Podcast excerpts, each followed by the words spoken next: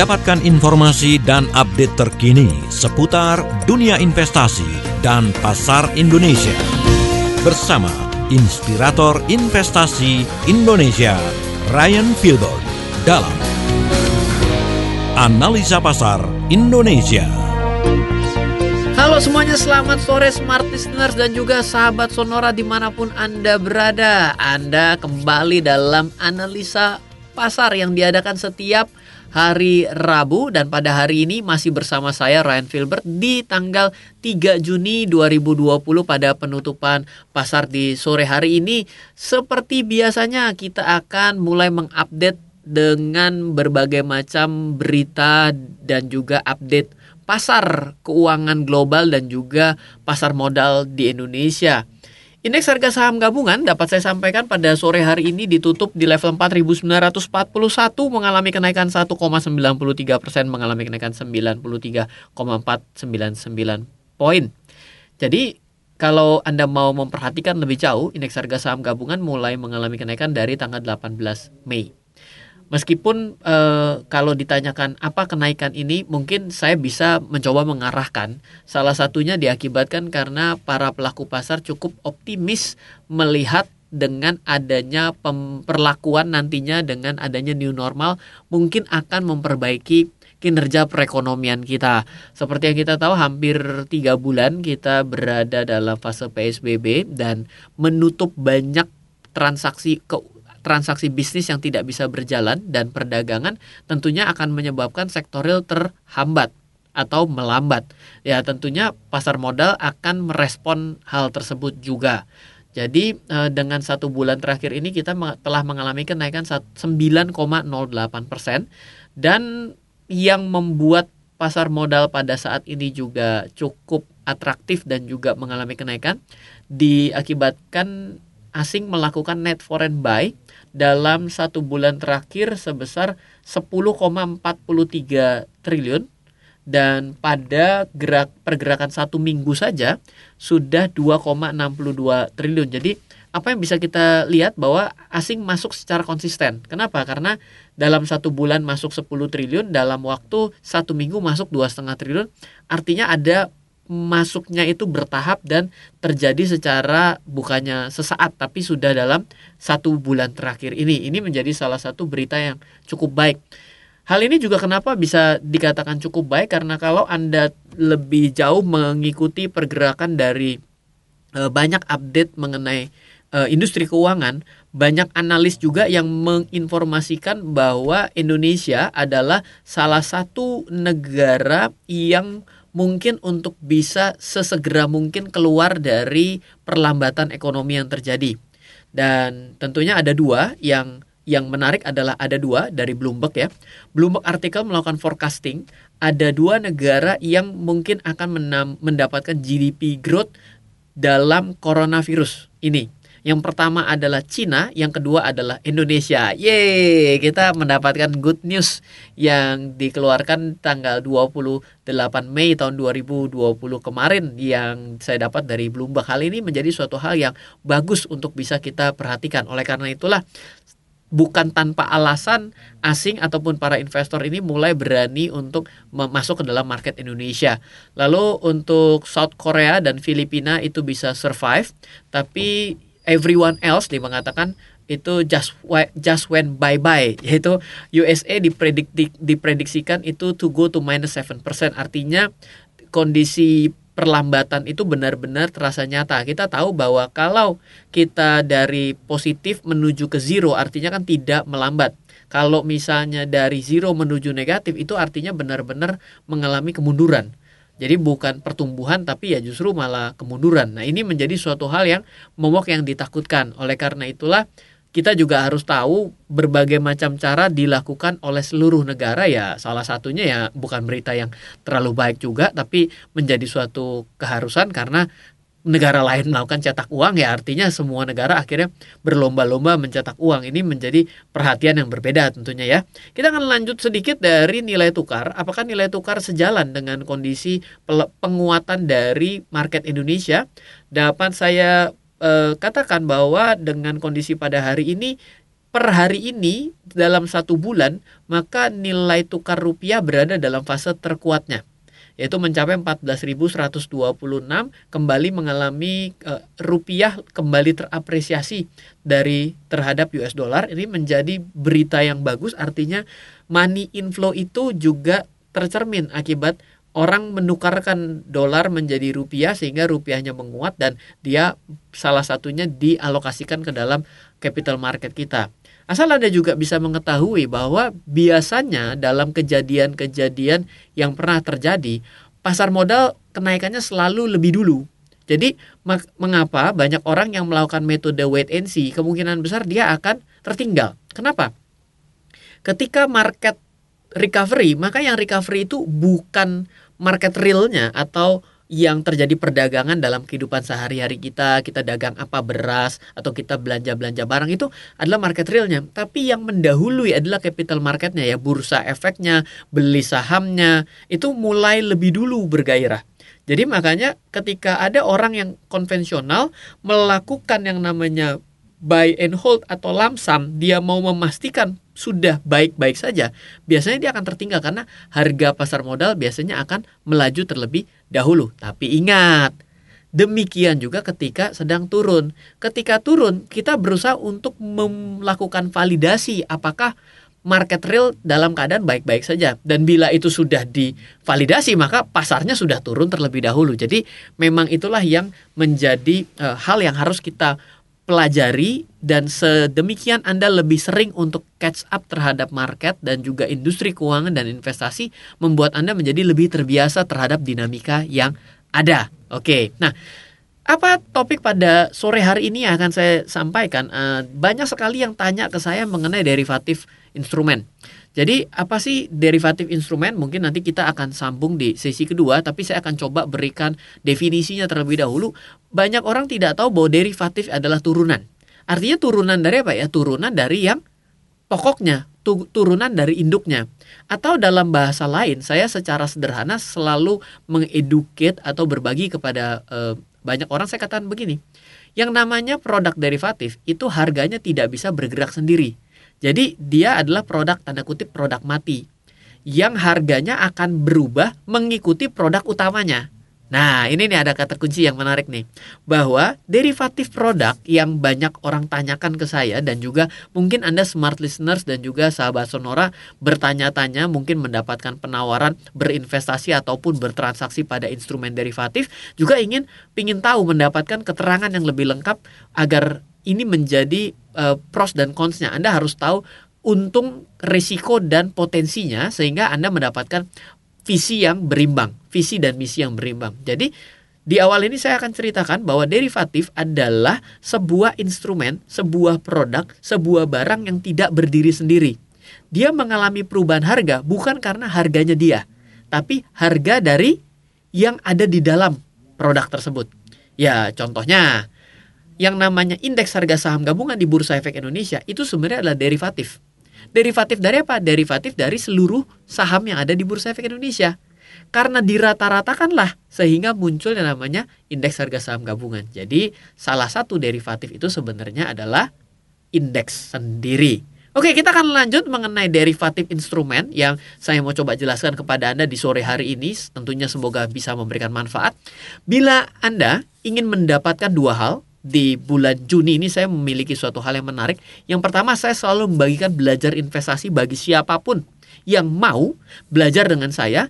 Belajar investasi selama 30 hari Anda bisa kirimkan nama, alamat email, nomor handphone dan kota domisili diawali dengan AP analisa pasar kirim ke 0812 11 12 959. Dan ada satu lagi, saya di bulan Juni dan Juli ini membuat sebuah kelas yang namanya adalah Mutual Fund Mastery mutual fund itu dalam bahasa Inggrisnya dalam bahasa Indonesia namanya adalah reksadana dan kita tahu banyak reksadana yang pada hari ini bermasalah dan bagaimana cara memilih yang bagus, bagaimana caranya bisa menjadikan reksadana sebagai instrumen investasi Anda. Saya membuat seminar khusus untuk Anda. Bila Anda berminat juga silahkan kirimkan nama email nomor handphone kota domisili ke 0812 11 12 959. Kita akan kembali setelah jeda berikut.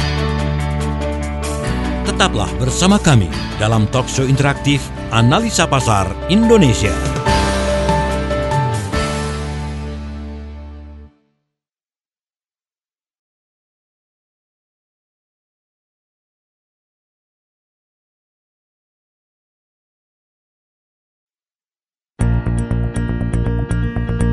Kembali Anda ikuti talkshow interaktif bersama Ryan Filbert dalam Analisa Pasar Indonesia.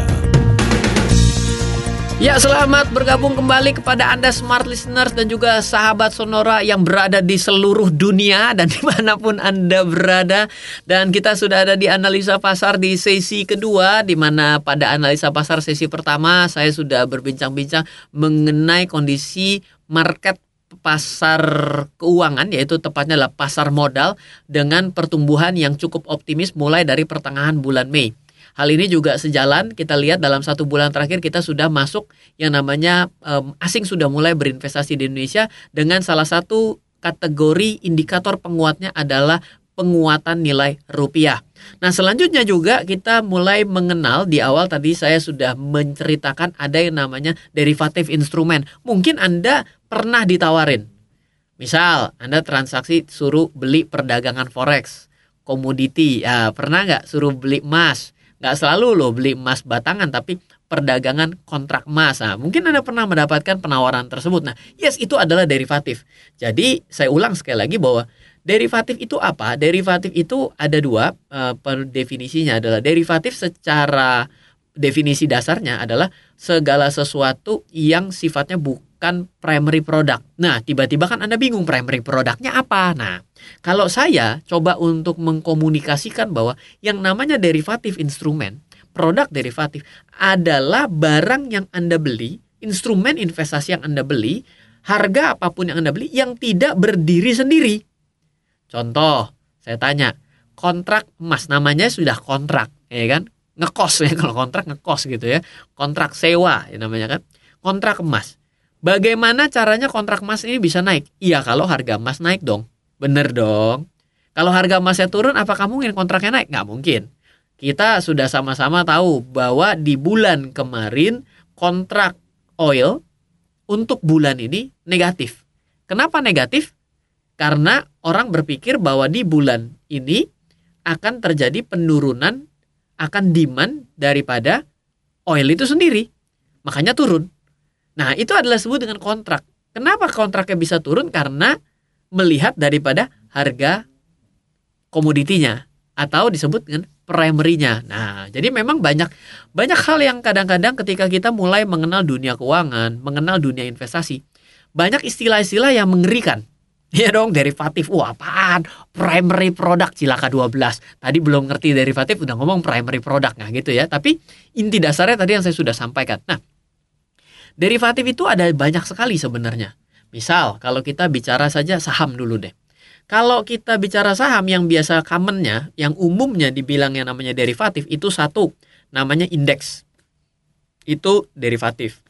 Dua, options. Nah, di Indonesia options tidak terlalu umum. Ya, banyak yang bilang option maksudnya binary option agak beda. Options option stock itu agak berbeda dengan binary option ya. Yang ketiga adalah uh, eh, CFD (Contract for Difference). Ini juga bagian dari uh, derivatif.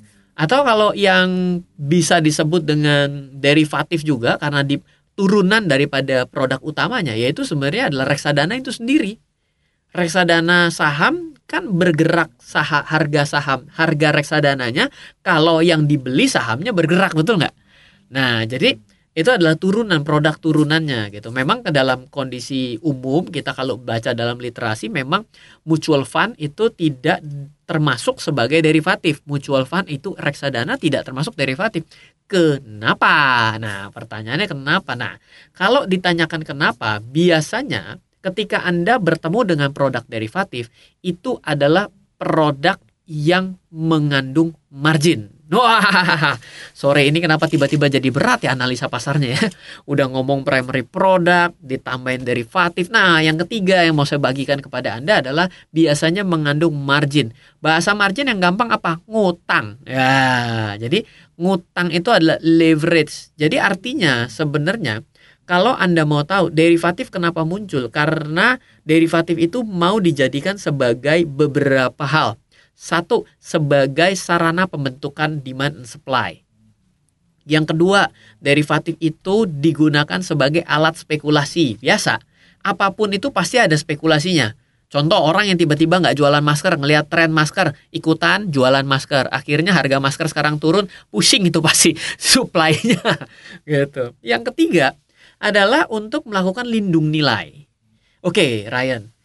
Apa maksud dari bahasa aneh-aneh ini? Gak apa-apa ya, kita sore hari ini mumpung dengan pemanasan new normal, Anda juga harus lebih expert lagi karena ada banyak sekali yang bilang Mas Ryan jangan ngomong reksadana mulu saya udah biasa dengerin reksadana Mas Ryan punya ilmu yang lain ya ada gitu tapi saya takut kenapa saya agak jarang untuk memberikan hal yang begitu teknis karena masyarakat Indonesia literasi mengenai dunia keuangan dan investasi serta pasar modalnya itu adalah less than one percent.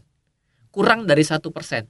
Jadi kalau dari jumlah penduduk kita 270 juta satu persennya Anda bisa bayangkan nggak dua juta tujuh ratus? Dan itu baru di dengan statistik dasar ditanya begini apakah Anda tahu saham? Nah itu sudah dihitung sudah dihitung tahu. Lah ini tahu saham kan belum tentu tahu derivatif gitu ya. Nah itu makanya saya biasanya untuk membahas mengenai materi-materi yang lebih kompleks mengenai pemahaman-pemahaman selanjutnya, saya nggak berani untuk dalam forum yang umum gitu ya. Tapi nggak apa-apa ya hari ini kita bawa suatu hal yang baru agar kita semangat untuk menyongsong new normal gitu. Oke, kita akan lanjutkan. Jadi eh, ketika Anda berbicara mengenai e, derivatif di mana saya mengatakan salah satu kriteria sehingga reksadana tidak termasuk derivatif secara umum adalah karena walaupun reksadana dipengaruhi naik dan turunnya dipengaruhi sama surat hutang dan saham yang dibeli oleh manajer investasi, itu betul, tapi ada satu kategori yang tidak masuk ke dalam reksadana yaitu transaksi derivatif itu pada umumnya digunakan sebagai tiga hal, sarana pembentuk harga, sarana spekulasi dan spekulasi dan juga terakhir adalah sarana hedging. Nah, kalau sarana lindung nilai biasanya mengandung yang disebut dengan margin atau berhutang. Nah, maksudnya apa gini? Kalau Anda misal eh, kita bicara geser lah ya, ada kontrak perdagangan kopi. Misalnya Anda adalah pedagang kopi. Anda bukan pedagang deh, Anda petani kopi lah. Misalnya Anda tani kopi dan ternyata tahu bahwa bulan depan sudah harus panen. Saya mau tanya sama Anda ketika Anda hari ini petani kopi, apa kira-kira harapan Anda untuk satu bulan ke depan dari harga kopi. Naik sudah pasti. Iya dong kan mau tak mau tan kopi nanti dipanen dijual. Berarti kalau hari ini harga di bawah tapi nanti bulan depan harganya melambung 20%, wah, syukur alhamdulillah tuh dapat 10%. Betul nggak? Nah, tapi ternyata Anda juga harus sadar bahwa harga bisa turun. Yang kedua, bisa jadi panen Anda gagal. Yang ketiga bisa jadi Anda ya Pak gagal juga sih diserang hama gitu ya bisa ya. Sehingga Anda loss, betul nggak? Oke. Jadi yang Anda takuti adalah satu bulan ke depan harganya bisa yang Anda inginkan harga naik dan yang Anda takutkan harga turun. Nah, si petani kopi ini itu sudah sophisticated nih, bukan petani kopi biasa. Kayak lagu ya. Jadi dia bukan petani kopi biasa, dia melakukan hedging, lindung nilai, memastikan agar dia meniadakan risiko. Yaitu dengan cara apa? Dengan cara membeli, dengan cara bukan membeli tapi menjual kontrak kopi. Menjual kontrak kopi. Artinya kalau dia punya barang, dia harapannya naik. Tapi kalau dia menjual kontrak kopi, berarti dia kalau dia makin turun dia makin untung dong karena dia jual kan. Orang kalau punya view beli maka naik, kalau dia punya view jual maka turun. Berarti dia nggak perlu membeli kontrak kopinya sebanyak jumlah panennya. Kalau nggak dia butuh uang yang sangat banyak dong. Nah berarti dia menggunakan sisi leverage-nya atau disebut dengan sisi marginnya. Nah jadi dia misal umpama oh pokoknya kalau satu ton cukup beli kontrak kopi satu. Misal misal loh ya. Nah itu yang dia lakukan. Jadi satu banding seribu dong. Kalau satu ton satu ton kan seribu kilo. Berarti leverage-nya adalah cukup membeli satu tapi menghedging seribu. Maka pertanyaan saya sederhana, bila nanti pas hari panen dia naik, maka dia rugi terhadap kontrak kopinya. Betul atau salah? Ya dong, karena kontrak kopinya kan berharap dia turun. Tapi kalau ternyata turun, maka dia rugi pada sektorilnya, pada kopinya, fisik kopinya, tapi dia untung pada kontrak kopinya karena dia ambil posisi jual. Nah, itulah fungsi daripada derivatif yang biasa digunakan pada komoditi. Jadi komoditi-komoditi itu kenapa ada derivatifnya? Ya salah satu karena hedging dan hedging itu nggak nggak harus satu banding satu. Kalau satu banding satu dia akan membutuhkan modal yang sangat tinggi dong. Mau panen seribu ton, seribu kilo, masa dia harus modal seribu kilo? Ya sudah sudah berat kiri kanan. Jadi boleh dibilang secara tanda kutip seperti membayar premi salah satu uh, mindsetnya. Oke, jadi dari kenapa reksadana tidak? Karena reksadana kan tidak mencukupi kriteria leverage itu atau margin itu kan? Karena reksadana kan tidak ada seperti itu. Tidak ada juga membeli reksadana secara hutang. So ya biasanya reksadana tidak termasuk bagian dari definisi produk derivatif. Oke, kita akan lanjut di sesi ketiga dan masih terus berbicara mengenai aneka instrumen derivatif yang Anda harus ketahui untuk dan resikonya. Kita akan kembali di sesi ketiga. Tetaplah bersama kami dalam talk show interaktif Analisa Pasar Indonesia.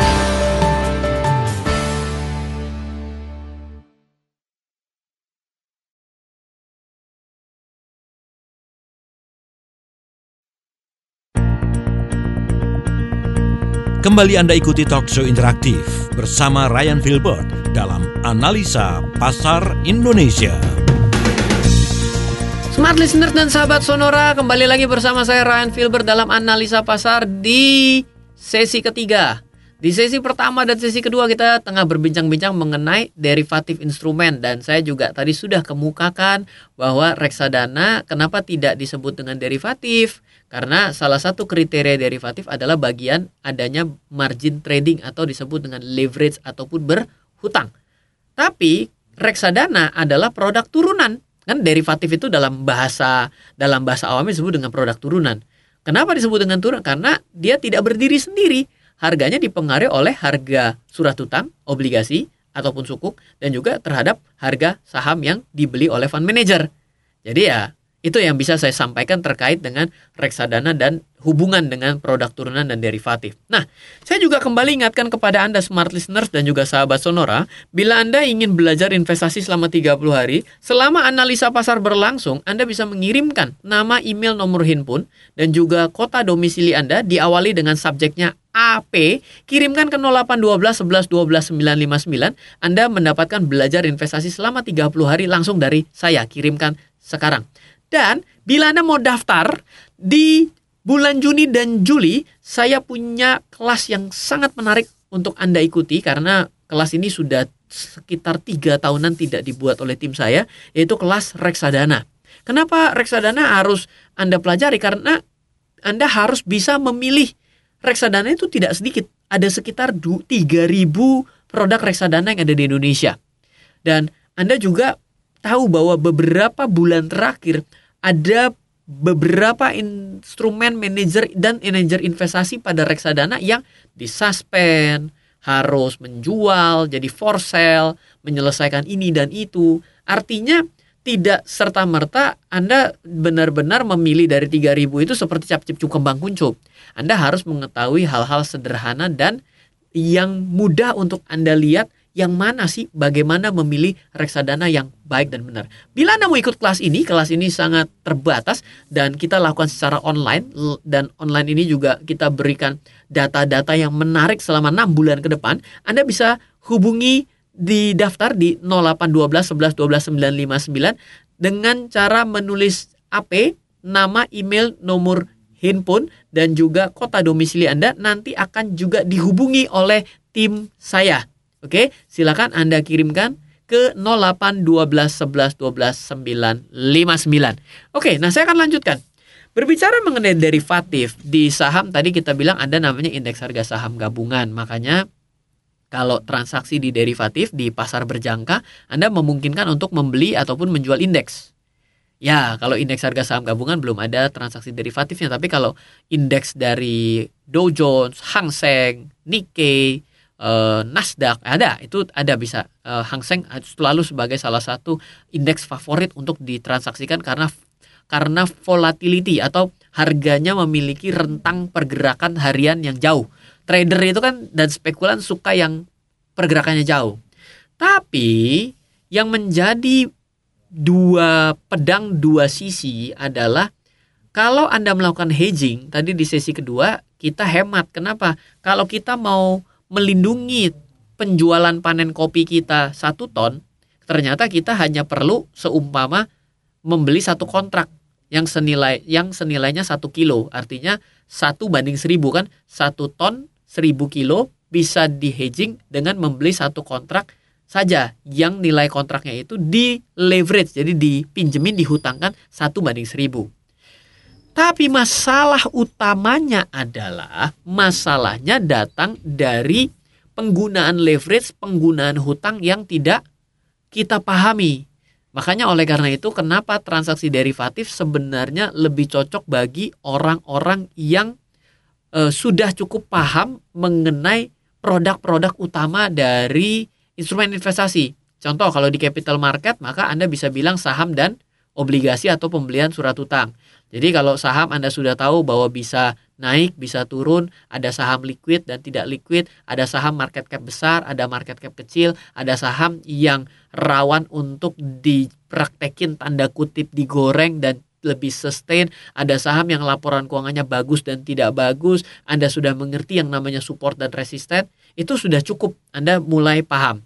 Lalu kalau Anda bicara dengan surat hutang, mungkin yang pertama Anda harus tahu bahwa surat hutang itu ketika maturity periodnya berakhir pada akhir periode, maka harga surat utang itu akan kembali ke nilai parnya. Ada tiga kondisi uh, yieldnya akan bergerak, yaitu at par, at discount, uh, dan at premium. Artinya apa? Artinya kalau at par pada titik yang sama dengan Anda membeli, di pasar sekunder dan kalau Anda pada ad premium artinya dihargai lebih mahal daripada pertama kali di launching, ad diskon itu lebih murah dan apa yang menyebabkan suatu surat utang bisa naik at par, at premium, at discount juga berkaitan dengan suku bunga acuan. Selain suku bunga acuan juga bisa dipengaruhi dengan rating.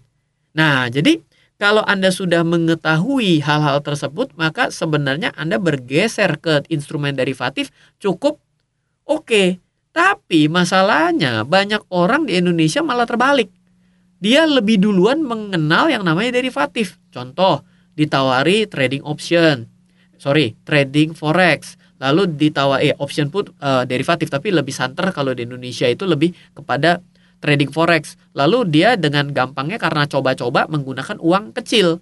Sedangkan kalau uang terlalu kecil, maka akan rawan untuk loss. Loh kok bisa Ryan? Ah, gini. Contoh sederhana ya. Kita pakai jangan jangan besar-besar. Saya bisa ngutang satu banding 100. Misal. Jadi pokoknya saya beli apa pun di broker tersebut di si si broker itu yang penyedia transaksi itu katakanlah saya di, bisa dihutang satu banding 100. Artinya enak dong. Kenapa? Kalau saya harga barangnya naik satu dolar, maka saya menerima 100 dolar. Uh, manis sekali dong. Iya, kan? Dihutangin. Berarti punya satu, rasa 100. Sekarang saya balik. Kalau Anda rugi satu, rugi 100. Betul dong? Nah, terus Anda memulai dengan uang yang kecil. Katakanlah 500 dolar. Oke? Berarti bila harga naik satu dolar, saya dan saya tutup transaksi saya di si instrumen derivatif itu, maka kalau harga naik satu dolar jadi serat, saya dapat 100 dolar, berarti equity saya naik dong. Saldo saya berubah dong setelah saya eksekusi berubah menjadi 600 dolar. Enak. Betul? Nah, sekarang saya balik. Saya punya modal 500 dolar. Ada namanya leverage satu banding 100 diutangin satu rasa 100 berarti waktu ketika turun satu dolar harga pasar saya rugi berapa? Equity saya tergerus 100 dolar. Betul dong. Sekarang saya tanya bagaimana skenernya biar saya bangkrut? Gampang. Karena modal cuma 500 dolar saya harus iya saya harus rugi 5 dolar. Berarti pasar harga tersebut turun 5 dolar. Sayonara goodbye my love. Bener nggak Nah, ini yang tidak dipahami. Modal kecil tapi belinya besar, maka ketika dia naik, dia jadi ROI-nya, return on investment-nya menggebu-gebu tinggi. Tapi begitu satu kali salah dijilat seret dikit, sud langsung nol. Auto bangkrut. Makanya orang begitu pertama kali bukannya kenalnya beli saham, beli valuta asing dengan membeli dolarnya langsung di money changer, dia kenalnya dengan forex, euro terhadap US dollar, ya kan, GBP yen gitu kan, cari yang volatile volatile gitu ya. Begitu beli langsung yang namanya pergerakannya itu lebih dalam satu hari itu pergerakannya lebih dari 5 dolar. Ya berarti otomatis kemungkinan besar dia rugi sangat tinggi gitu. Jadi mengapa banyak orang yang pemula dengan modal kecil nyoba-nyoba masuk ke instrumen derivatif yang mungkin ditawarin forex bukan broker forexnya yang jelek. Ya yang namanya modal minimum kan dia jualan. Ya modal minimum kan harus bisa uh, headhunter lah mengclosing orang sebanyak-banyaknya. Tapi kan akhirnya kita yang karena tidak mengerti beli mobil balap padahal baru dua hari yang lalu belajar nyetir mobil atau jangan-jangan beli mobil balap baru hari pertama nyetir. Ya nggak cocok dong yang namanya pertama kali beli mobil ya pakai mobil mobil kecil dulu lah, jangan yang digas bisa lompat gitu kan. Begitu hari pertama lompat ya langsung nabrak tiang. Nah itu tuh analoginya ke arah sana. Mengapa derivatif menjadi sebuah instrumen yang kelihatannya cepat untungnya. Betul karena modal kecil diutangin satu banding 100 kan kelihatan powerful sekali. Tapi ketika marketnya ketika salah dalam mengambil posisi dan saya yakin sekali kita dalam satu hidupan ini pasti sering banyak salahnya. Kecuali ada satu orang yang menegur saya tadi sore di sosial media yang dia bilang wah Pak Ryan kenapa bilang yang namanya Bitcoin bisa margin call? Kalau margin call bukannya memberikan motivasi seperti saya dong, orang yang tidak pernah banyak salah dalam hidup. Loh, loh luar biasa hebat banget saya bilang gitu ya. Ya, jadi derivatif menjadi pedang bermata dua karena bisa ngutang. Oke, kita akan lanjut di uh, udah sesi keempat padahal baru semangat loh saya. Oke, silakan nanti Anda yang mau memberi mau saya dap, berikan yang namanya modul belajar investasi selama 30 hari, silakan kirimkan nama, email, nomor handphone dan juga kontak domisili ke 0812 11 12 959 dengan subjeknya AP. Dan saya juga masih membuka pendaftaran untuk Anda yang mengikuti kelas khusus saya mengenai reksadana. Silahkan Anda kirimkan juga ke 0812 11 12 959 akan segera dihubungi oleh tim saya. Kita akan kembali di sesi keempat. Tetaplah bersama kami dalam talk show interaktif Analisa Pasar Indonesia.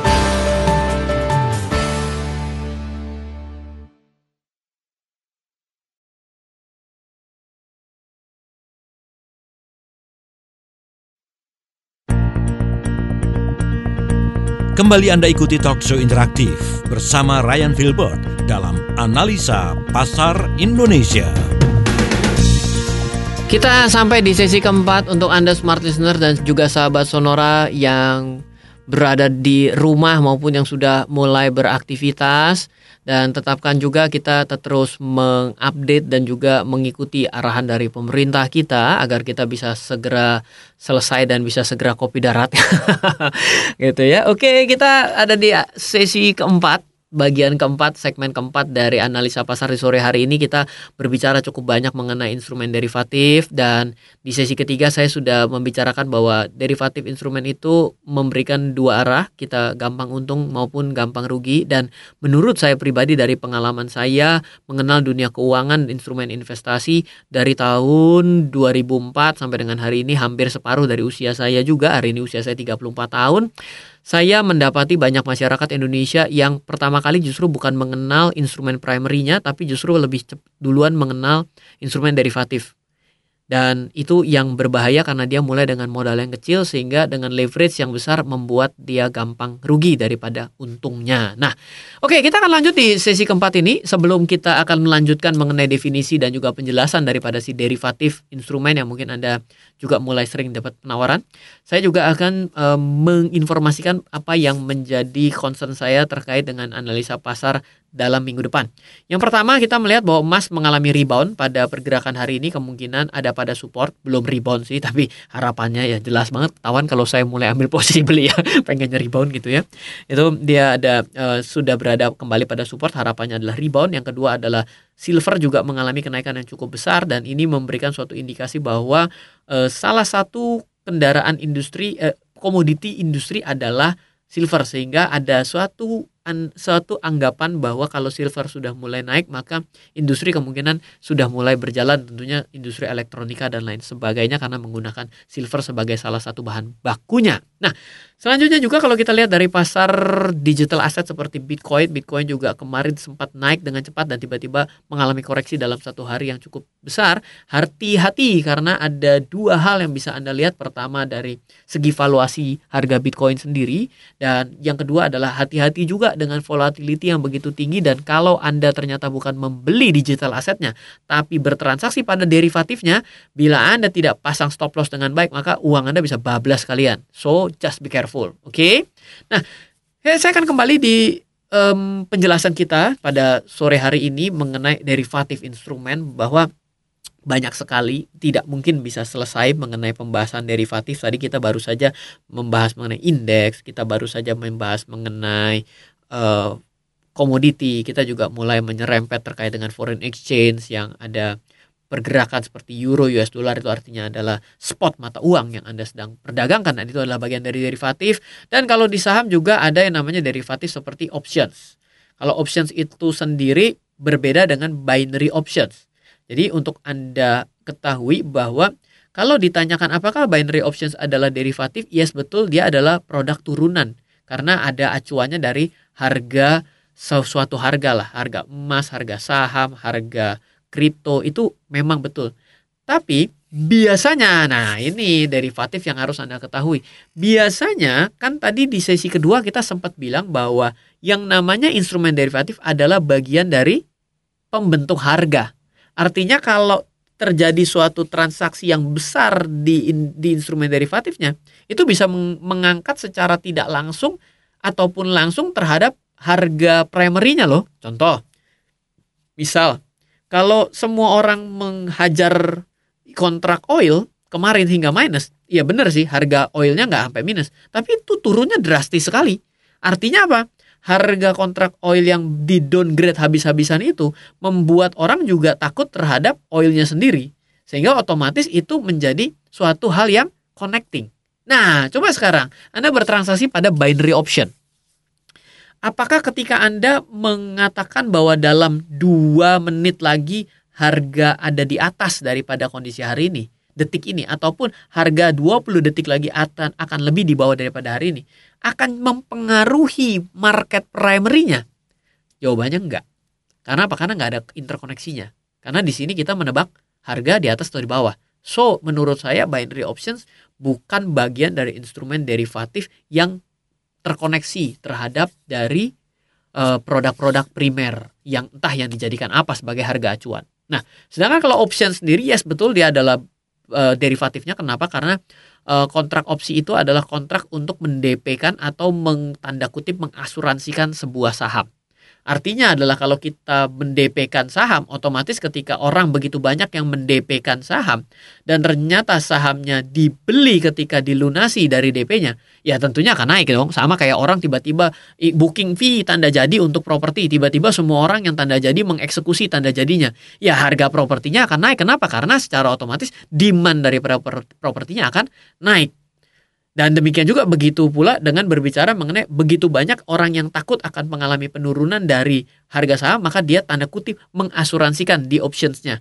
Ya secara otomatis orang akan tahu, wah kayaknya kok semua orang ingin, uh, ingin mengambil opsi cari aman ya. Berarti ada sesuatu yang berbahaya nih dari pergerakan harga saham ini. Nah itu kan ada ada interkoneksinya gitu. Jadi options itu ada empat pergerakan options yang mana adalah long call, short call, long put, and short put. Itu lebih panjang lagi dan itu bagian derivatif yang cukup ruwet kalau belum pernah meng saya dulu pertama kali belajar justru juga agak terbalik. Saya optionsnya setengah-setengah belajar sama-sama akhirnya bingung sendiri gitu ya. Jadi ya anda juga harus tahu. Belum lagi kita bahas CFD CFD itu lebih lucu lagi derivatif tapi dia tidak mendapatkan barang tapi terima terima dividennya kalau saham. Wah, itu apa lagi maksudnya ya. Jadi ada cukup banyak derivatif yang sebenarnya kalau Anda explore lebih jauh, sebenarnya menguntungkan Anda kalau Anda bisa pakai dengan benar.